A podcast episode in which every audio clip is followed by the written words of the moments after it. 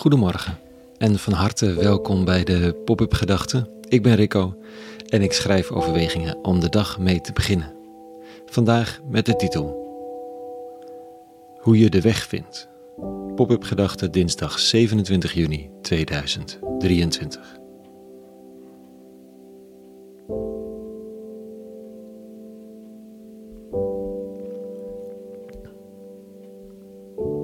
Het regent keuzemogelijkheden in ons leven. Dat heeft niet alleen te maken met een westerse luxe levensstijl, maar wel stijl, maar wel in flinke mate. Er is een machtige hoeveelheid studies om uit te kiezen.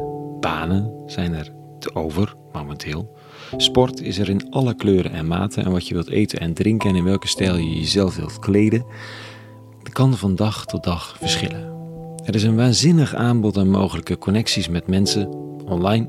Je kunt overal ter wereld nieuwe vrienden vinden. En er zijn miljarden manieren van verstrooiing. Om het maar eens zo te zeggen, alles wat je niet aan wilt gaan in het leven of niet onder ogen wilt komen omdat het druk is, daarvoor zijn honderdduizenden manieren om die pijn te vermijden. En die neiging is sterk. Sterker dan je wilt. Sterker dan je soms je kunt voorstellen. De hele dag worden we beïnvloed door de zin en onzin van social media, Opvoeding heeft ons gebracht waar we zijn, deels. En een deel van die opvoeding was echt zuiver en liefdevol gericht op wie wij zijn. Een ander deel was angst of ego of projectie van ouders. Mijn opvoeding is dat ook weer naar mijn kinderen. Al met al nog best een wonder dat het best wel oké gaat met best wel veel mensen. En niet zo gek dat er zoveel mensen antidepressiva slikken of verslaafd zijn aan het een of ander dat er best veel mensen met de ziel onder de arm lopen omdat ze niet weten of ze voor of achteruit moeten?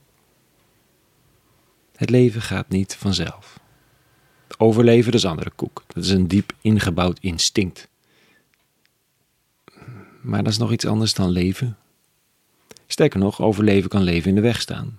Overleven is zorgen dat je niet doodgaat, dat je de pijn, dat de pijn je er niet onder krijgt, dat je veilig bent voor allerlei risico's, Terwijl leven alles te maken heeft met vertrouwen, kwetsbaarheid, overgave. Die twee kunnen elkaars tegenpol zijn. Vandaag, vandaag zegt Jezus een paar beroemde woorden, die nogal eens op uiterst moralistische manier in beeld zijn gebracht op posters en afbeeldingen, maar die ik vandaag maar eens met nieuwe ogen lees. Dit zegt hij. Ga binnen door de nauwe poort. Want de weg die naar de ondergang voert is wijd en breed. En velen zijn er die hem inslaan. Hoe nauw toch is de poort en hoe smal de weg die voert naar het leven. En weinigen zijn er die hem vinden. Er bestaat zo'n poster, misschien ken je hem, waarop de brede weg vol staat met plezier, eten, drinken, seks en wat je allemaal niet kunt bedenken, waarvan de zedenprediker vroeger zei dat het niet oké was. De smalle weg was er een van onthouding en moeilijkheden, maar hé, daarna wachtte de hemel. Was je die vrolijkers op de brede weg toch te slim af, want die gingen lekker naar de hel. Het was me wat. Of is ook. Want Jezus, de bedenker van deze uitspraak, werd drinken broer en vriend van hoeren en tollenaars genoemd. Die had zijn portie brede weg wel te pakken, meneer de zedenpreker. Altijd een meneer.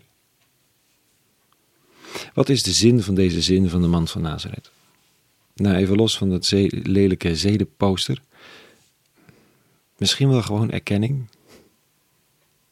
Dat het niet zo eenvoudig is om, dit, om in dit leven de weg te vinden naar leven. Dat de breedte van mogelijkheden toen en nu ons zo makkelijk af kan leiden van wat we werkelijk te doen hebben. En te zijn, zijn. En dat weten we ook wel. Daarom gaan we naar kloosters, doen we moeilijke bewegingen op de yogamat, gaan jaarlijks vasten of nemen regelmatig een ijsbad. Omdat de weg ten leven niet zo makkelijk te vinden is. En er misschien wel weinigen zijn die hem vinden. Ik vind dat einde een beetje deprimerend, heel eerlijk gezegd. Dan geef je het automatisch toch een beetje op. Er zijn maar weinigen die hem vinden. Tenzij, tenzij ik er een kleine tweak aan geef aan die laatste zin, zonder de boel geweld aan te doen, denk ik. Weinigen zijn er die deze weg uit zichzelf vinden. kijk, dan is er opeens weer wat licht in de tunnel. Want de man van Nazareth weet wel wat leven is. Tot en met in zijn sterven. Zijn dwarse, revolutionaire manier van leven was echt wel eigenzinnig leven.